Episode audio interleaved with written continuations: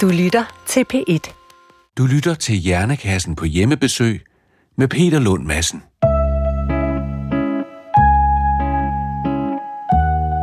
Hvad er adressen? Eller kan du bare finde det ud alene? Øh, ja, det tror jeg godt, jeg kan. Og så kan du kende det, for du siger, at du har været der før. Ja. Så kan den ligge her. Nej, den kan ikke. Den kan den gøre.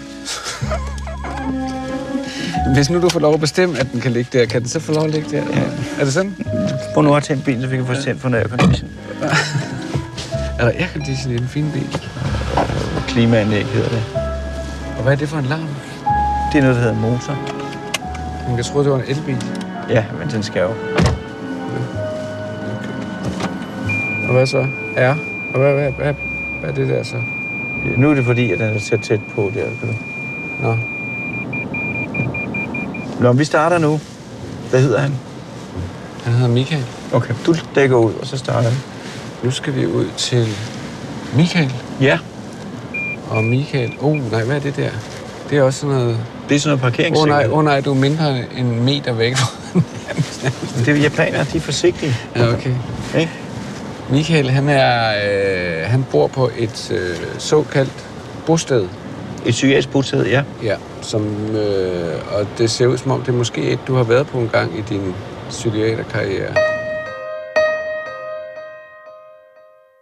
Du lytter til Hjernekassen på hjemmebesøg med Peter Lund Madsen og mig, Morten Krøholt. Vi tager rundt og besøger mennesker, som alle har det til fælles, at de har fået en psykiatrisk diagnose.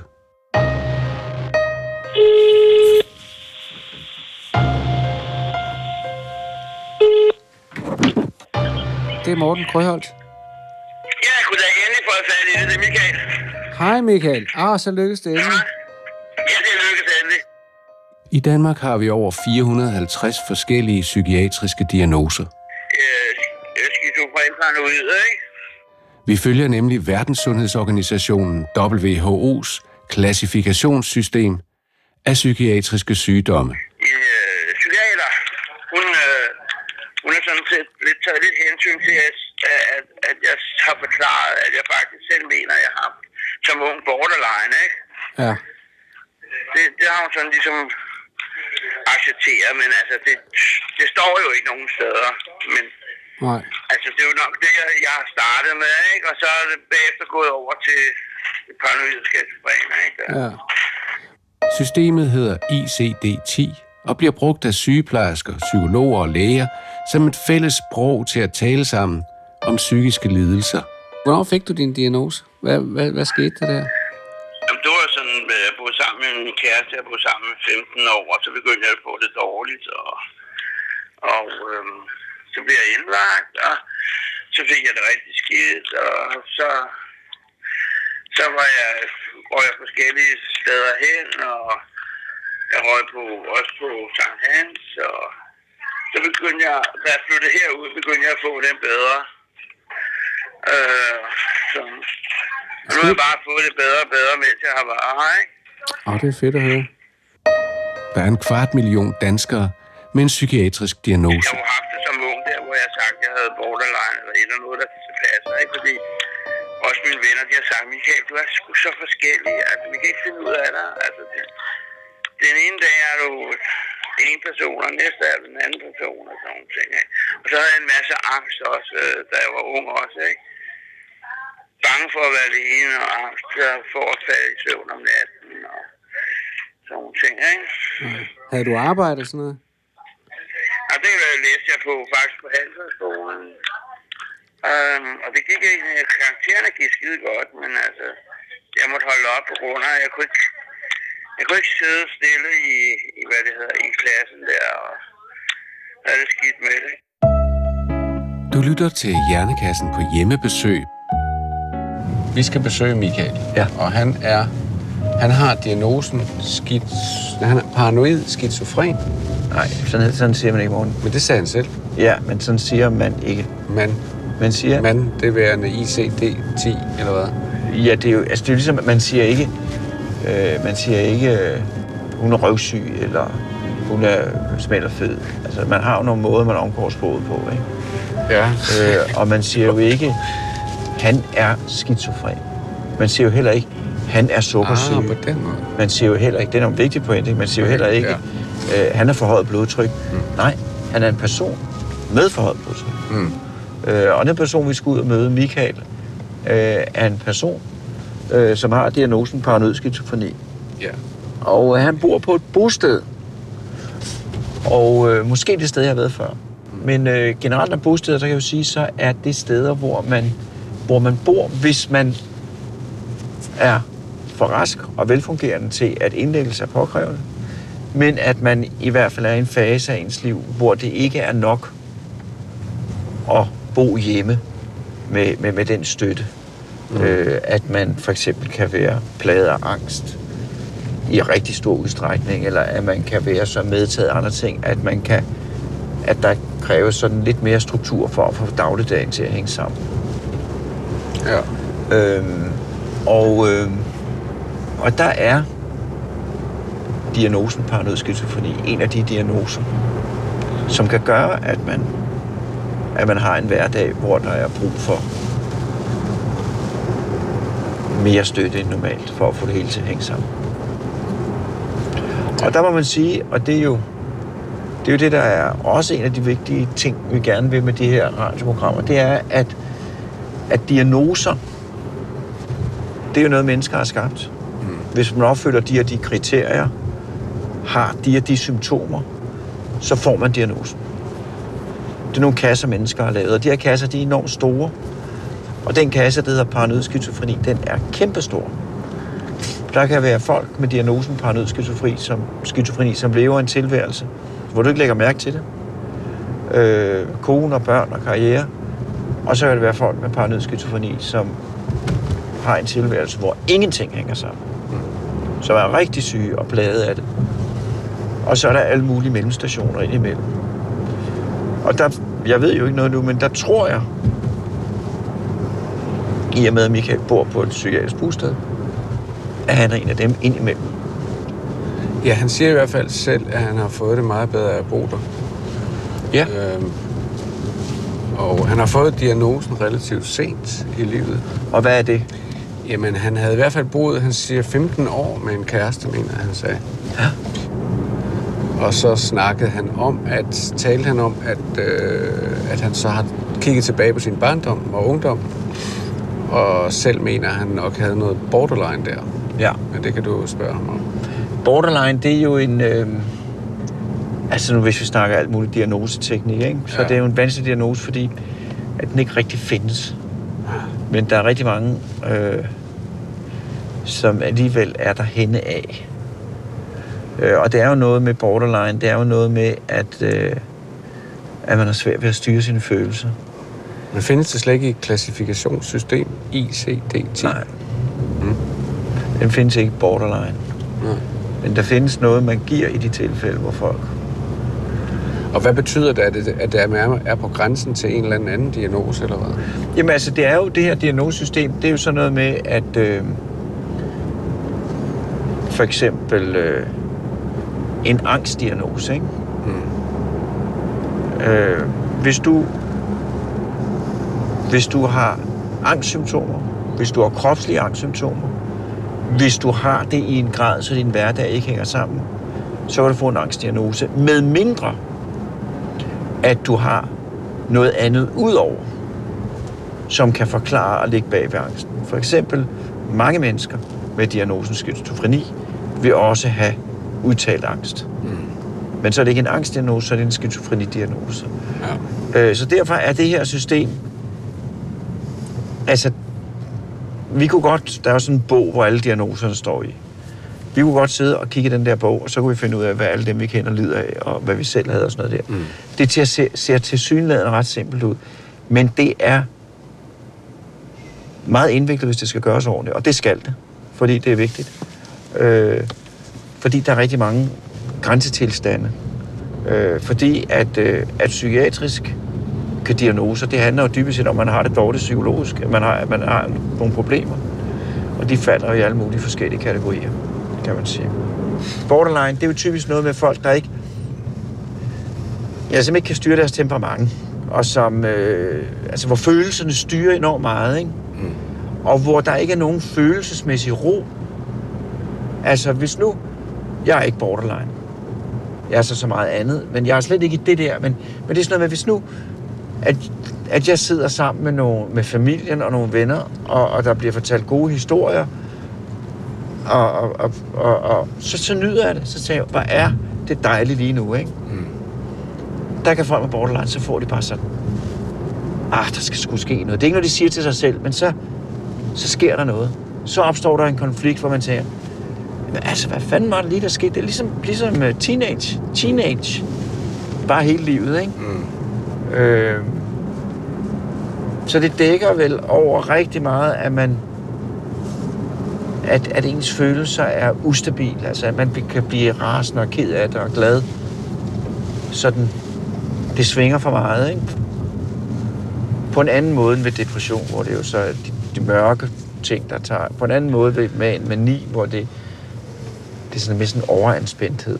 Mm. Ja, men det Michael selv siger, det er, at hans venner, de vidste aldrig rigtigt, hvor de havde ham. Den ene, det ene øjeblik var han i det humør, og det andet øjeblik var han i det Ja. humør, og det humør. Det. Men det kan jo godt Men det kommer du til Det kan godt mere. både passe med det ene og det andet. Men altså, det er jo det, der er vigtigt, når vi taler om det her diagnose, det er, at det er ikke firkantet. Mm. Øh, og du kan sige sådan og sådan og sådan, og så er der syv point der, tre point der, og det giver, øh, det giver 10 point, og så må det være det. Men Så- hvorfor, hvorfor har man så den der bog med 400 diagnoser i? Jamen, det har du, ICD-10? fordi at hvis nu Michael flytter til Jylland, så ved de, hvad den diagnose betyder i Jylland, fordi kriterierne er de samme. De kan også være slået til andet område i Europa. Mm. De har et fælles, man har et fælles sprog for, hvad det er, det drejer sig om. Øh, og det betyder også, at hvis man skal undersøge medicin for eksempel, eller skal give medicin, så har man også et overordnet blik på, hvad det er for noget. For det er noget helt andet medicin, man skal have, hvis det er paranoid skizofreni, og man skal have medicin, end det er, hvis det er angst, og man skal have medicin, eller hvis det er depression, og man skal have medicin. Så det har en enorm praktisk betydning. Lytter til Hjernekassen på hjemmebesøg med Peter Lund Madsen. Hallo? Hej, det er Morten og Peter fra Danmarks Radio. Ja, værsgo, Tak. Tak. Åh, oh, oh, det er helt på. Efter dig. Hvor langt tror du, vi skal op? Apropos. Det er her, jeg har været før med Kirsten. Er det rigtigt? Ja. Du er her. Jeg må hellere.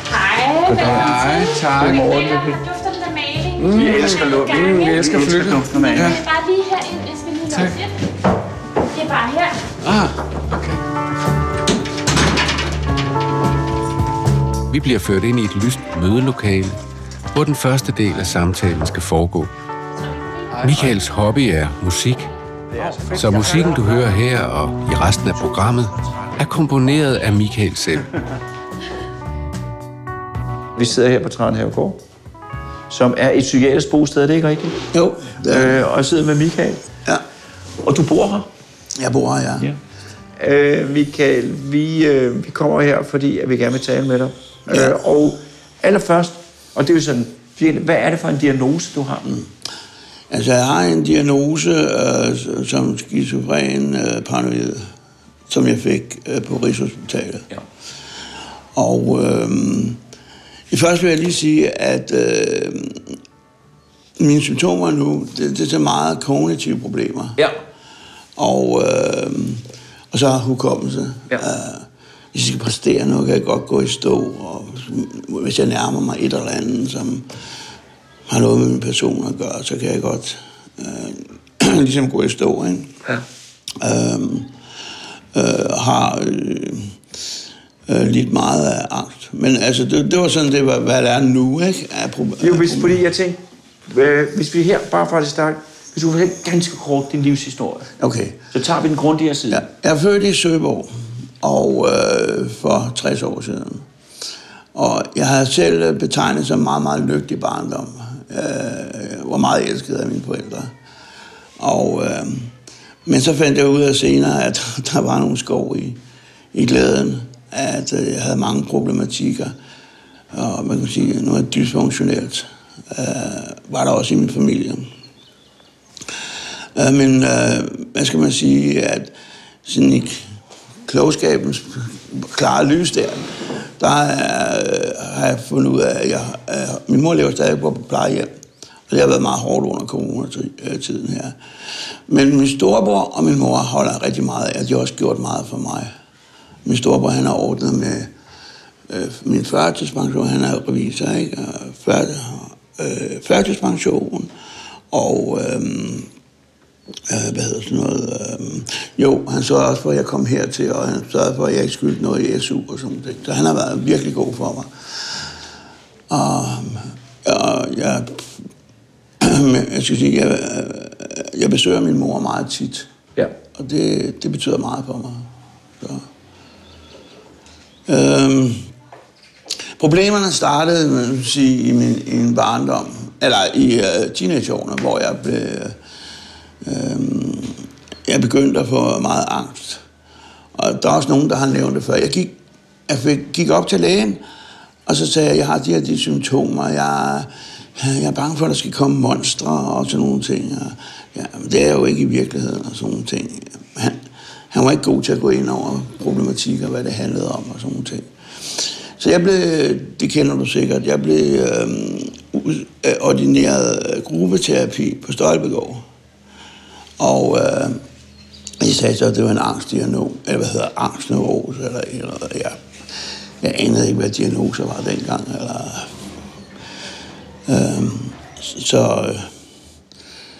Øh, da jeg var ung der, der, der havde jeg øh, mange problemer med, øh, med alkohol. Og når vi skulle i byen, vi drak rigtig meget.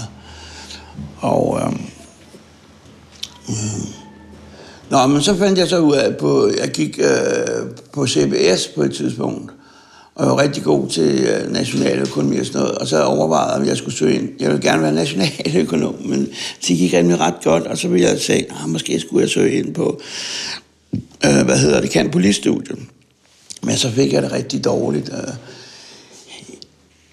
Når, når jeg snakker med nogle øh, psykiater, så, så siger de, at det ikke, du har ikke haft nogen psykose, du har ikke haft det. Så sagde jeg, jeg ved bare, at jeg har haft det rigtig dårligt, og jeg ikke kunne, kunne det ene og det andet. Og, og øh, så, øh, så besluttede man mig for at gå øh, til ned på RUK og læse dernede. Og øh, det var, synes jeg i starten var det en god idé, men så fandt jeg så ud af, at jeg var ikke, jeg var ikke egnet til, uh, til det, deres undervisningsform, og øh, det var i grupper, ikke? og så i plenum og sådan nogle ting. Jeg synes ikke rigtig, øh, der, kom, der kom ikke rigtig noget input. Øh, det, var, det var bare, øh, man skulle dosere viden ud fra de samtaler, man havde i grupper og plenummer.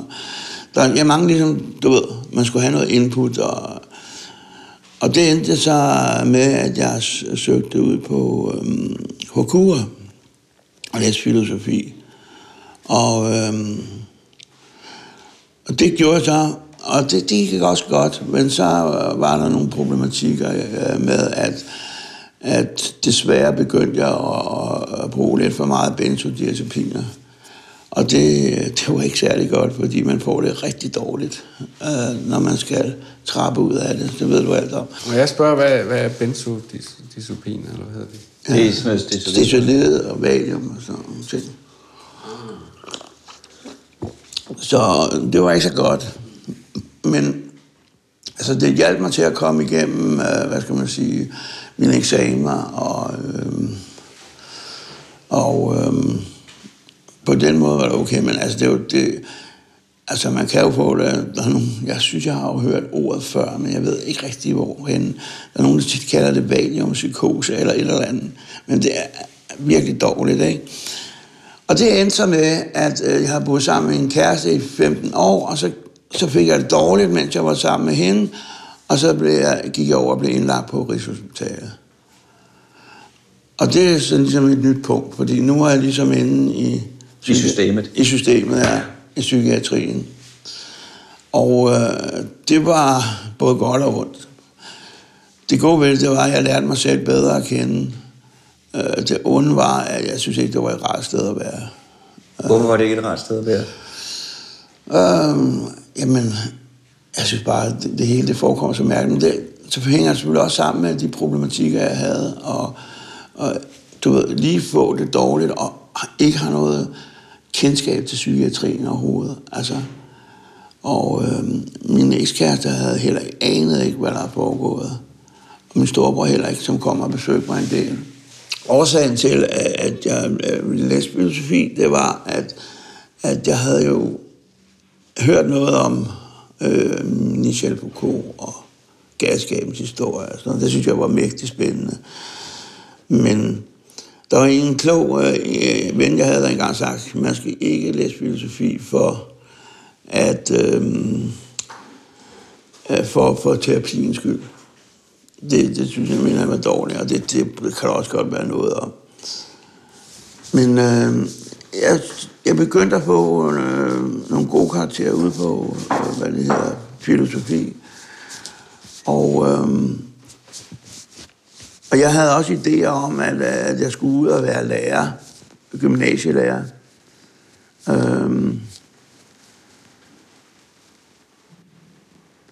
så vil jeg så sige, efter øh, Rigshospitalet, der kom jeg til øh, Sankt Hans, og faktisk, der var jeg to omgange, og, og øh, den første omgang var en rigtig, rigtig godt ophold. Øh, og der var øh, arbejdsterapi og sådan nogle ting. Og, øh, men så begyndte det også at gå i stykker mellem mig og min ekskæreste, fordi at hun ligesom, måske ligesom følte, at, at hun hang på mig. Ikke? Og det, så blev vi så enige om. Og, og så sker, sker der et nyt kapitel i mit liv. Det er, at, øhm, at jeg kommer herned, herud. Øh, der På bostedet? Ja, på bostedet her. Og hvornår er det cirka? Det er øh, 10-11 år siden. Ja. ja. Og øh, jeg havde ligesom opgivet troen på alt, og sådan, jeg synes, det var helt var sgu så... Øh, det var så... Øh, altså, skulle jeg virkelig rende rundt der og være indlagt, øh, eller være svingdørspatient eller et eller andet, ikke? Men øh, så, hvad det hedder, så kom der en øh, sociolog, nej, hvad hedder sådan en øh, socialrådgiver. Han sagde, at vi skal ud og se på et sted herude ved, ved Sydhavn, og så faldt jeg bare på stedet med det samme. Ikke? Og jeg fik vist den her sådan kæmpe lejlighed, ikke? jeg havde. Og, og så har jeg, jeg har jo gået og samlet på, på bøger, så jeg har en masse bøger, frygtelig masse bøger. Og så har jeg bygget øh, nogle hobbies op, men jeg har været her. Og det er, at jeg har, hvad det hedder, fået en masse bøger. Jeg øh, har en masse musik. Vi beslutter os for at fortsætte samtalen i Michaels lejlighed, så vi går op ad trapperne og fortsætter helt op på kvisten. Yes, vi kommer. Og vi kommer ind i en dejlig lys lejlighed, som er Michaels helt private domæne.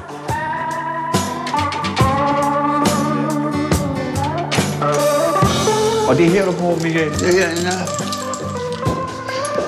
Der er en masse bøger her. Nå, forstærker, jeg ved guitar. ja. Så kommer vi ind til dig. Men Det er jo nærmest et lydstudie. Ja, Ja, der er i hvert fald musik, ikke? noget af det, ja.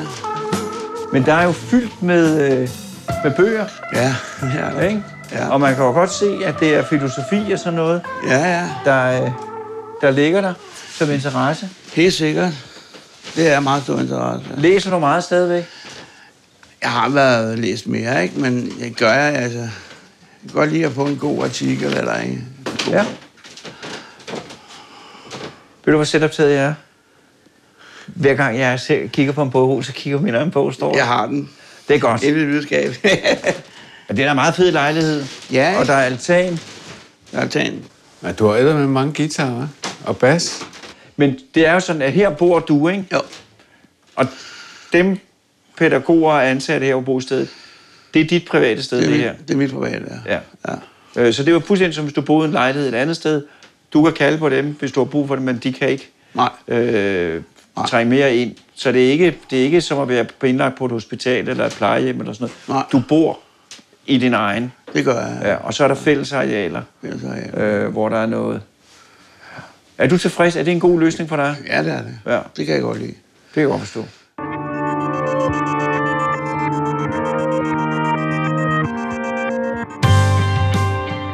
Har også prøvet selv at være med til at sætte nogle ting i gang herude. Altså, jeg havde noget, der hed en, en, øhm, en eventyrklub, hvor vi snakkede om H.C. Andersens eventyr, og vi snakkede om mm, Grebs eventyr, og det, gik, det foregik over øh, halvandet til to år. Ja.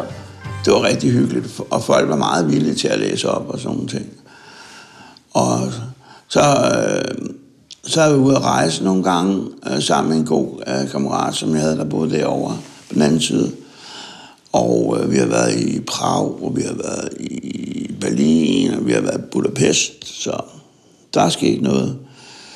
Øhm, Sådan som du har det lige nu, ja. der hvor du er i dit liv, hvordan vil du sige det er? Jeg synes, jeg har det...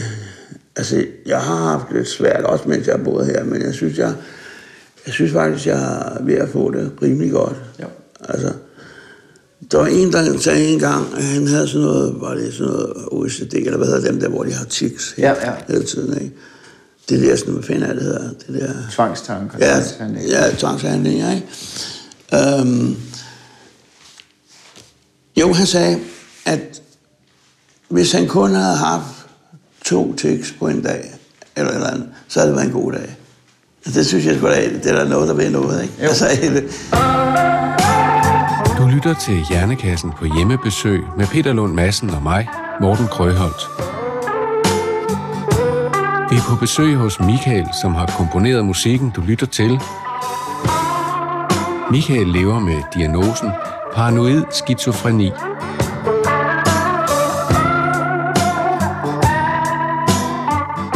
Du havde noget angst. Kan du fortælle lidt om den angst, du havde? Altså, det, det, det, det startede for, det var, at øh, da jeg var teenager, lad os sige 15, 15, 16 år, der begyndte jeg at blive bange for, når jeg skulle i, i seng om aftenen. Begyndte jeg at blive bange for, at jeg lå og kiggede ud, og så var jeg bange for, at der skulle komme nogen. Og den angst blev mere og mere ubehagelig. Jeg havde ikke nogen at gå, følte jeg ikke. Jeg følte ikke, at jeg kunne gå til mine forældre. Jeg følte ikke, at jeg kunne gå til mine bror med det. Og øhm, øh, det var sådan meget med virkeligheden, jeg var bange for ingenting måske. Øh, Men det er der også mange, der er. jo, jo, jo, jo, jo, jo. Øhm, men, men øh, og så samtidig var jeg meget generet også egentlig, og det, øh, det var også øh, noget problem. Og hvordan var du generet? Hvad var du generet over? At få opmærksomhed. Altså, Så hvis du var et sted, og så var du nervøs for, om folk Ja, kiggede spot dig? på mig, ja. Spot på mig, ikke? Ja. Det er, så blevet, det er så, så blevet en del bedre, synes jeg. Det synes jeg er blevet en del bedre. Men kunne du forstå, når du var sammen med andre, kunne du så forstå, altså var du, kunne du lide at være en del af fællesskabet? Eller var det også, så- ja, hvordan var det? Jamen, det, var- det var på den måde, at, at når at spottet havde været på mig, og, og, og ligesom, nu havde jeg sagt et eller andet, eller sagt noget sjovt i, i folkeskolen faktisk, der var sådan en klovn, ikke? Øh, og, og ligesom, når spottet havde været på mig, der er nogle gange, du, det kører sådan lidt rundt, så er det den, der er spottet. Ja. Det. Og der, der øh,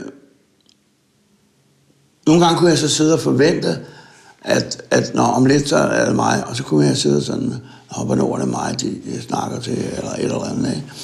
Så jeg havde allerede der, havde jeg sådan nogle i 15-16 års alderen. Og øhm, jeg havde også problemer med, med, med kærester og sådan nogle ting. Ikke? Hvordan problemer? Jeg var meget generet, ikke? Men det, det som du fortæller, Ja. det vil rigtig mange 15-16 år. Altså det, og jeg har det stadigvæk. Øh, sådan noget med det der med en runde. Vi tager lige en runde. Åh, oh, jeg hader det. Og så når den kommer nærmere, jeg kan nærmest få, få sved i hånden, fordi, jamen, hvad fanden skal man sige, ikke? Ja. Øh, øh, så, så, så det er jo sådan fuldstændig, øh, for mange i hvert fald, helt. Ja.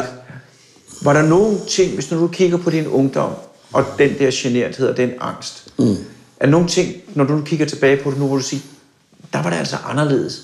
Der var noget der, der var anderledes, end det andre oplever. Ja, det der med at blive talt øh, negativt til, for eksempel, øh, folk de kunne mærke på mig, at mine venner og sådan noget, og hvis vi var så til et selskab, hvor der var et øl, og der var nogle piger, og der var noget, og så videre, der kunne jeg godt mærke, at øh, så sagde de, jamen, og skulle ikke tage det af Michael, han er, han er bare generet, ikke? Og det, er jo- det er meget ubehageligt at få ligesom den der stukket ud, ikke? Fordi det gør det ikke bedre. Så kører man rundt i sådan en rund cirkel, ikke? Så, øh, men, men altså der, hvor det begyndte sådan at blive mere sådan sygeligt, det var der, der gik op til lægen, og så sagde, ved du hvad, min angst den er så alvorlig, så jeg ikke kan sove om natten, og, og så videre, og så videre. Og hvor jeg fik øh, tilbudt gestaltterapi, ikke? Og hvad gik det gestaltterapi ud på på Stolpegården? Jamen, det gik ud på, øh, at man kunne for eksempel kunne sidde og, og tale til, øh, til sin far på en stol. En stol, der symboliserede.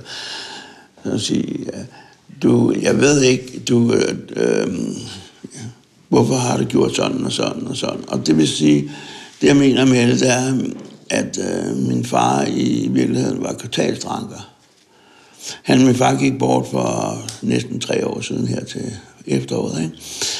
Og øh, han, øh, han er svært ved at styre sin alkohol. Og det havde jeg ikke. Jeg havde bare ikke, hvad det hedder... Jeg har ikke set det komme, før, før at, jeg synes, næsten det var for sent, ikke? Fordi at, det var nærmest blevet normalt. Altså, og når min far han er også ude i, i dag, hvor du ved, hvornår han kommer hjem. Ikke? Altså, øh, det var så meget ubehageligt. Så øhm, Men hjalp gestaltterapien på din angst? det gjorde den. Uh, ikke, ikke sådan, så jeg blev rask, vel, men uh, den, den, den hjalp mig til at, at kunne se nogle sider, som jeg ikke uh, havde set før. Og øhm, Men alligevel så kommer du på Rigshospitalet. ja, det er sådan en del år efter.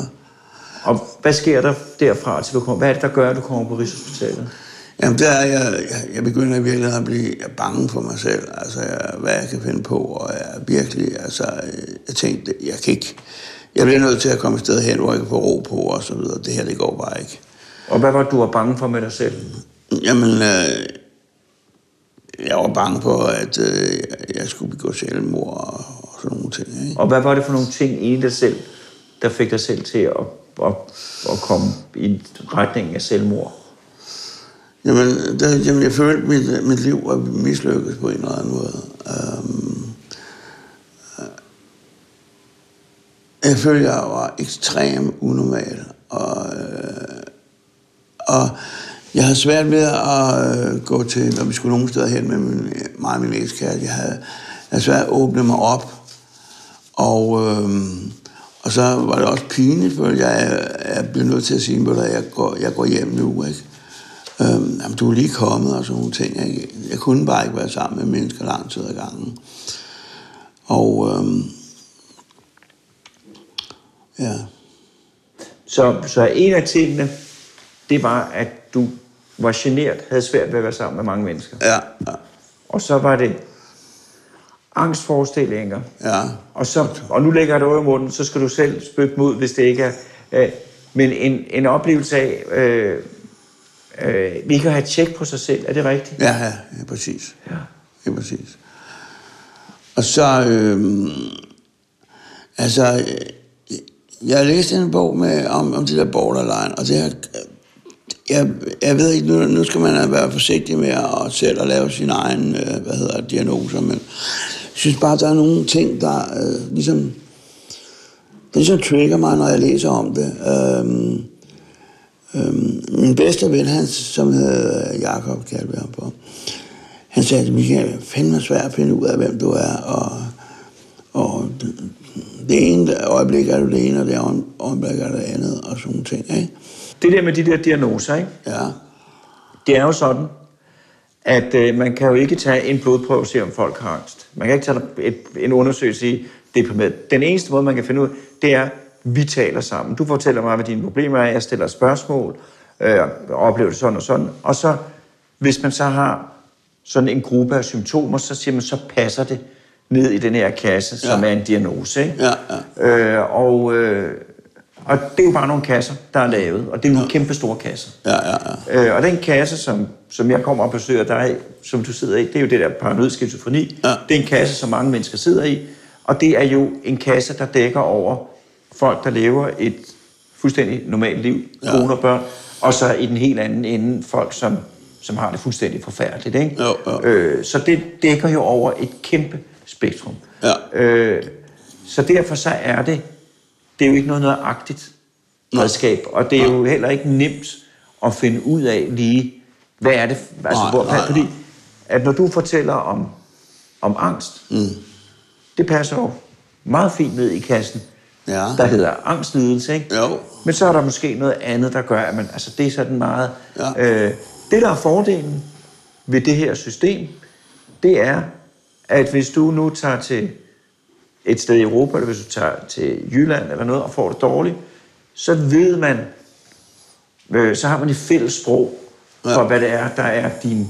Altså, Ja. hvad, hvor ligger du henne problemmæssigt, ikke? Ja. I gamle dage, der kunne du på forskellige afdelinger, så havde alle overlægerne deres forskellige diagnoser, og ingen anede, hvad hinanden mente, ikke? Nej. De fleste mennesker forbinder nok skizofreni med noget med at høre stemmer ind i hovedet. Stemmer, der prøver at få en til at gøre alle mulige ting. Michael kan godt genkende det med at høre stemmer, men for ham er det på en lidt anderledes måde. Hvis nu man tog nogle af de ting, som typisk gælder for den der diagnose paranoid skizofreni. Ja. Det er langt fra alle, der har det hele, men så kunne jeg spørge om sådan, om du kender til det. Ja. Øh, og der er det jo det, som de fleste vil tænke, det er jo det der med hallucinationerne. Ja. Med at høre stemmer, Ja. typisk. Ja. Eller med at opfatte verden på en anden måde, end andre gør. Ja. Har du haft hallucinationer nogensinde? Ja, det har jeg. Øh, det har ikke været så voldsomt, det må jeg nok sige. Øh, øh, jeg har haft øh, hørehallucinationer. Øh, Kan, kan du? når, når, jeg bliver, når jeg bliver ekstremt overstresset, så kan jeg godt... Øh, men jeg ved godt, det kommer indenfra. Altså, jeg godt ved, at det kommer indenfra. Jeg kan mærke, at det kommer indenfra. Kan du prøve at fortælle mig, altså virkelig, så godt du kan, så jeg prøver at forstå, hvordan det er? Hvis jeg, som jeg også var på Rigshospitalet, blev enormt stresset, så kan det lige så komme en, en viskende stemme. Her går han, her går han, her går han, her går han. Og så, så går det så væk efter et stykke tid. Så når jeg afstresset, så tager det, tager det væk. Jeg har faktisk ikke haft det, mens jeg har boet her. Så meget stresset, så kommer der en viskende stemme. Og en, en lugte, øh, hallucination, lugt. Hvad lugter du så? Gas. Så der er både lugten af gas. Ja. Ved du godt, at det er noget, der ikke er rigtigt? Ja. Jeg kan være i tvivl. Altså, jeg kan godt være i tvivl, men øh, nu har vi jo et gasanlæg her. Så, men øh, hvis jeg boede et sted, hvor der er gas, så ville jeg gå panik. Det vil også være fornuftigt alligevel. ja, ja, ja, ja, klart. Ja, klart. Men den viskende stemme, hvad siger det? Hvad kan den sige, for eksempel? Det er ikke altid, det er noget negativt. Altså sådan, øh, nu går du ud og, ved, og sm- smider dig selv ned i vandet. Det er ikke sådan noget, det er sådan mere, sådan mere øh, nu kommer han, hvorfor er han her? Og sådan et eller andet. Nu kommer han, hvorfor er han her? Ja, sådan noget ting. meningsløse Ja. ja. brudstykker. Øh, meningsløse brudstykker af noget. Og når du hører den stemme, eller dengang du Ja. hører den stemme, hvad tænkte du så? Jeg bliver stresset, og jeg bliver ked af det, at jeg har det. Men jeg bliver ikke bange. Jeg prøver at, at slappe af. Sådan. Jeg, boede, jeg boede på et tidspunkt nede ved, um, øh, hvad det hedder, um, nede, nede ved Matthæusgade, lige der omkring. Og der, hvad det hedder, øhm, der gik jeg ind på opgang, og så kunne jeg, der lugtede bare gas der. Og så øh, gik jeg op, der var ikke noget, men så skyndte jeg mig hjem til mine forældre, de boede i Valby. Og øh, så... Øh, men, men det er også et godt stykke tid siden, jeg har Ja. haft det der lugt. Lugthallucination. Ja, ja, ja. Har du haft sådan noget med oplevelsen af, at der var nogen efter dig, der var et komplot i gang, ja, eller andet? ja, ja. Hvad Hvad har du haft af den slags? Uh, ja. Øhm, jeg havde nogle frygtelige tankegange om, at øh, efterretningstjenester og alt muligt, øh, øh, så, hvor jeg var i tvivl om, hvad der var hvad. Altså, og det er også, ja, Kan du fortælle noget om, hvordan det starter? Altså, man vågner man en morgen og siger, at der er nogen, der er et eller andet, der er sgu nogen efter mig, eller hvordan kommer det til en?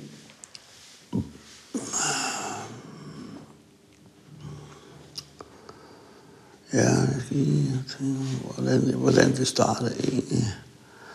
Altså, det startede med, at jeg følte mig for pint rigtigt. Og det var årsagen til, at jeg gerne ville indlægges. Og øhm, så var jeg så holdt op med at arbejde, og jeg gik heller ikke længere ud på kurer. Og så hvad det hedder, fulgte jeg min øh, kæreste på arbejde, og hun ringede hele tiden. Ringede hele tiden. Er du, er du okay? Er du okay? Er du okay? Og så tænkte jeg, så tænkte jeg, ej, hvad det hedder. Så gik jeg hjem, og så hvad det hedder, tog jeg bare et, et glas mm, piller, en overdosis. Og min kæreste, hun, hvad det hedder, skyndte sig hjem og kom hjem i vores lejlighed og så ringe efter, øh, hvad det hedder, ambulancen og sådan nogle ting. Og øh, det var årsagen til, at jeg blev ind, indlagt på Rigshospitalet.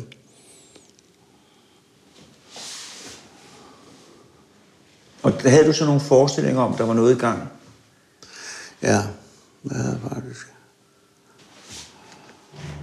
Og har det været der i, i, i, i, i, i perioder? Altså, øhm, da jeg blev færdig med, med, med hvad skal man sige, øhm, da jeg blev færdig med min, øhm, ude på filosofi, Og så kommer du på Rigshospitalet. ja, Har du fået medicin? nej, og der, øh, jeg har fået sådan noget øh, og sådan noget, Ja. der, og det, det hjalp bare ikke, ikke på mig. Det hjalp ikke på mig. Men da i anden omgang var nede på, hvad det hedder, øhm, på Sankt Hans, der begyndte jeg på det der Lebonex, og det hjalp bare ekstremt godt. Ja. Jeg øh, har virkelig, øh, virkelig fået det godt, efter at have fået det der øh, Lebonex. Og så øh, var der en periode, hvor jeg, øh, jeg øh, tog ind til byen og købte de der, hvad hedder det, sådan morfika og sådan nogle ting. Udenom, udenom lægen? Altså. Udenom lægen, Ja. ja. Udenom lægen, ikke? Ja. Og det, øh, så var, havde jeg en rigtig, rigtig god øh, læge nede på øh, Sankt Hans. Og jeg blev presset lidt på, og så sagde han, ved du hvad, du får det her Leponex, det virker godt på dig, ved vi. Samtidig får vi også noget øhm, Supertex, og sådan, så du kan få ro på. Og siden har jeg bare ikke haft behov for medicin. Altså, andet end det, jeg får her. Ja. Og hvad, hvordan hjælper Leponexen dig? Nej, jeg tager det kl. 22, og jeg sover. Jeg tror faktisk, med de 10 år, jeg har boet herude, og jeg har fået næst, der har faktisk ikke været en eneste nat, jeg ikke har sovet mm. igennem. Så øh, jeg, får, lig- jeg har ligesom fået ro på og sådan noget. Ja. Ikke? Så det giver ro i hovedet, og der kommer mere hold på tingene. Helt sikkert. Ja. Helt sikkert.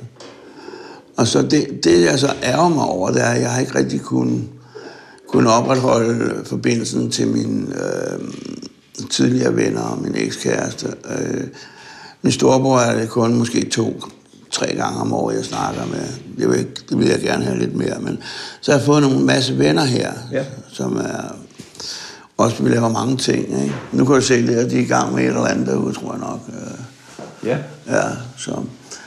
Og det... Øh, jeg vil jeg selvfølgelig gerne tæ- fortælle noget mere om det der... Øh, det der med... Øh, med konspirationer og sådan nogle ting. Men, men øh, jeg skal bare finde den rigtige måde at fortælle det på. Ja.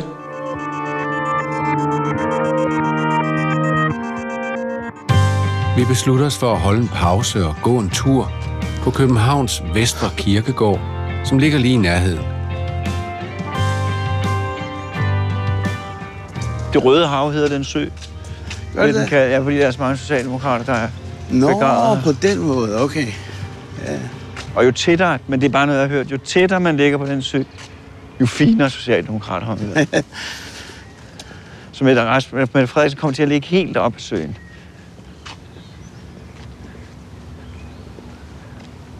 Se, Bul. Ja, Bull, han kan vi jo huske. Ja, og han ligger tæt på Røde Hav, ikke? Ja. Var Hans Hedetoft, han er endnu tættere. Ja, ja. Det var i slutningen af krigen, var det ikke? Jo. Og Hedetoft, det var i slutningen af 50'erne. Ja. Han døde af kræft. Nå, okay. Se, nu kommer vi endnu tættere på. Så er det Per Hækkerup. Jeg har hørt, det er en myte, det der med, at Hækkerup, han skulle have solgt øh, det norske oliefelter. Ja, det, men det er en historie, der er så god, så den er svær at få slået ned.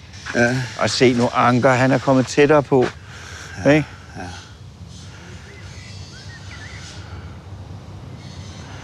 Anker, han ligger helt tæt på det røde hår. Røde Det er jo ikke mange år siden, man kunne se ham nede på Borgbergvej. Nej, der kommer Mette Frederiksen til at ligge. Lige ved siden af fiskeri forbudt Alt form for fiskeri og fod. Og H.C. Hansen, ikke? H.C. Hansen, ja. han kom efter hans hedtoft. Det er rigtigt, ja. Var det ikke Øj, ham der, der var øh, mindst af den der øh, brændbombe på Grønland? Jo, Det var det. Se nu der. Det er en kæmpe sten. Og så rejst af Socialdemokratiet, ikke? Den er nok dyr, sådan en anden. Ja, med dyr, du. Prøv at se, hvor klart det røde hav er. Det er ikke særlig rødt i hvert fald. Det er symbolsmorten. Har dejligt her, mand. Ja, det er rigtig godt. Det kan da godt være, at man skal se, om man kunne bruge et plads her. Jamen, du skal melde dig ind i partiet, det kan jeg godt sige dig. Jamen, der, øh, jamen tror du, at Thigpen og Thad Jones var i partiet? Jamen, Kai Nielsen, billedhuggeren. Åh oh, ja. Det er noget, der går forbi. Thiesen. Åh oh, ja. Kulturminister. Kulturminister. Rejst af danske kunstnere. Sådan. Okay. Vi kan jo kun drømme om det, ikke? Ja. Men kan man ikke bare få nogen, man kender til at... Så, det er jo ikke forbudt at skrive på. Rejst af en kreds af taknemmelige kunstnere.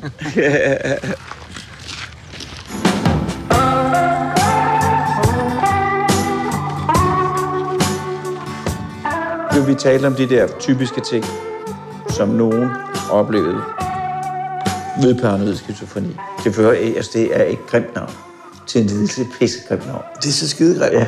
Det er som ordet sindssygt. Det er Ja. også ikke pissegrimt, ikke? Ja, ja. Jeg er helt enig. Ja. Øh, hvis jeg blev kongestatsløs, så ville jeg finde på et andet navn. Ja. Øh, øh, nå, men øh, du har fortalt det der med hallucinationer, sådan noget med, med, med nogle stemmer. Du har også fortalt, at der har været perioder i dit liv, hvor du har været i tvivl om, om der var noget i gang. Øh, Ja, ja, øh, og måske har du været overbevist dengang, nu er du mere i tvivl om, der var noget i gang, men som var noget, som, som var ufor, uf, svært at forstå sådan umiddelbart. Øh, så er der jo noget, og det er det, der, jeg synes, der er jo det sværeste. Det er sådan noget, der hedder tankeforstyrrelse. Det er også et grimt navn, men det er jo sådan ja. noget med tankemøller. Siger det dig noget? Ja, ja, ja. Kan du fortælle ja. Om tankemøller? Det er ikke noget, jeg har meget af. Det er det ikke. Øh, jeg kan huske, når jeg har været til, skulle til eksamener, så er det ligesom, det mylder frem med, med hvad skal man sige, med, med ord, der er for mange af, øh, begreber og ord og, og tanker, der ligesom er for meget. Hvis jeg er sammen med nogen, jeg ikke kender godt, eller bliver udfordret, så kan jeg godt få den der fornemmelse af, at, øh, at det mylder. Øh, men hvis jeg er sammen med dem her, som jeg er vant til at være sammen med til dagligt, så er det ligesom ikke, jeg føler ikke rigtigt, at der er nogen udfordringer, eller noget, noget, der presser sig på. Hvordan har du med at sidde og snakke med os og være i radioen? Jo, det er der. Det er udfordrende, det vil jeg sige. Det er det helt sikkert. Det, øh, jeg har været spændt og øh, nervøs over det, det har jeg helt sikkert. Men vi er også, jeg er også ikke nervøs. Jeg tænker også, jeg er også nervøs for at gøre dig nervøs. Nå, ja, ja, ja. ja. Øh, fordi ja, det er jo, vi kender jo ikke hinanden. Det der med, at- at tingene de mylder, i stedet for, at de bliver sådan født ud af noget sundt, eller en sund nysgerrighed, eller, eller nogle sunde begreber. Øhm, så øh, ja, Der er lige en ting, jeg tænkte på. Når vi nu har, altså nu tager vi taget det her firkantede kasseting, ikke? ja, Øh, og øh, vi har talt om hallucinationer og vrangforestillinger. ja, Så har vi talt om øh, tankemøller og tankeforstyrrelser. ja, Så har vi talt om det der, som vi selv kalder kognitiv, med koncentrationsvanskeligheder og samle tankerne, ikke? jo, Og øh, vi har talt om... Jo, det der med at være sammen med andre. Ja. Øh, øh, og, øh, og så er der en ting med mig, men det er også meget firkantet ting, men det er sådan noget med at træffe beslutninger. Bestemme ja. sig for, hvad man skal. Hvordan har det du har jeg haft svært ved. Jeg, jeg lader sådan ligesom tiden flyde, ikke? Øh, øh, måske ligesom øh, Heraklit, der sagde, at man ikke kan kappe samme blod to gange. Altså ligesom øh, øh, tingene sker, når jeg bare lader, lader stå til. Ja. Og så er der også en anden, der har sagt, at det største overgreb, øh, man ligesom kan gøre, det er intet at gøre. ja. Så Men har du svært ved at træffe beslutninger? helt sikkert, det har jeg. Så din strategi er nogle gange, at være at træffe beslutninger, Ja. så sker der... Ja, så sker der et eller Ja. andet. Ja. ja. Er det nødvendigvis en dårlig strategi? Ikke altid. Nej. Nogle, nogle gange. Nej, nej. Nu- Øh, det tror jeg, der er mange unge, der skal lære. ja. Jamen, det, tror jeg- der, nogle gange tænker jeg over det, så, så tror de, så tror de, at de, at de skal beslutte en masse ting, og hvis de ikke beslutter noget, så går det galt. Ja, Ikke? ja. Det gør det jo ikke. Så sker der bare noget, altså, og så kan man så tage den derfra. Det er jo det. Ja. ja. ja. Hvad med følelser? Føler du ting stærkt, eller hvordan, hvordan i forhold til at føle? Jo, jeg, jeg, jeg føler ting meget stærkt, men jeg vil også sige, at, at der er mange følelser, jeg har, har lagt øh, bånd på, øh, øh, siden jeg er kommet ind i systemet. Hvor jeg er ved at opdage nogle sider af mig selv, som jeg ikke synes, jeg havde før. Og hvad det? Det er... Jo, jeg har fået, som sagt, mange gode venner, og øh, nogle gange, du sagde også noget hvordan at være sammen med andre mennesker. Nogle gange, så øh, må jeg sige nej til at, øh, hvis vi går lang tur ind i byen. Det der med, at jeg kan ikke rigtig overskue, du ved, hvis, hvis det skal være for meget. Øh, så nogle gange, for eksempel, skal, så skal vi tage en tur ind til øh, Netto-bådene derinde i Nyhavn, ikke? Og så, så siger jeg, nej, det, er- det har jeg sgu ikke rigtig lyst til. Men det er selvfølgelig også noget med at tage kampen op, ikke? Og, Hvordan foregår sådan en dagligdag, en typisk dag i dit liv, hverdag? Jamen, øh, jeg, jeg kommer hernede ved, og får min medicin om morgenen. Og øh, så snakker jeg rigtig med en masse. Jeg har også en rigtig sød øh, kontaktperson. Og øh, så har vi nogle aftaler nogle gange, øh, vi skal snakke sammen om. Så øh, før coronakrisen, der havde jeg det der sådan, øh, studie, jeg er i gang med at, at spille min musik ind. Og øh, så jeg gik også til noget musikterapi, som jeg var glad for, men det måtte også stoppe på grund af coronaen her. Øhm, jeg, jeg, jo, jeg kan mærke det der med, at, at, det giver en selvtillid, det der med, at man kan noget. Ja. Altså, man er god til noget. Det kan jeg godt lide. Uh, og så kan jeg også godt lide at læse digte og sådan nogle ting. Hvis du får medicin, tag med din kontaktperson. Og så, hvad, hvad laver du så mere?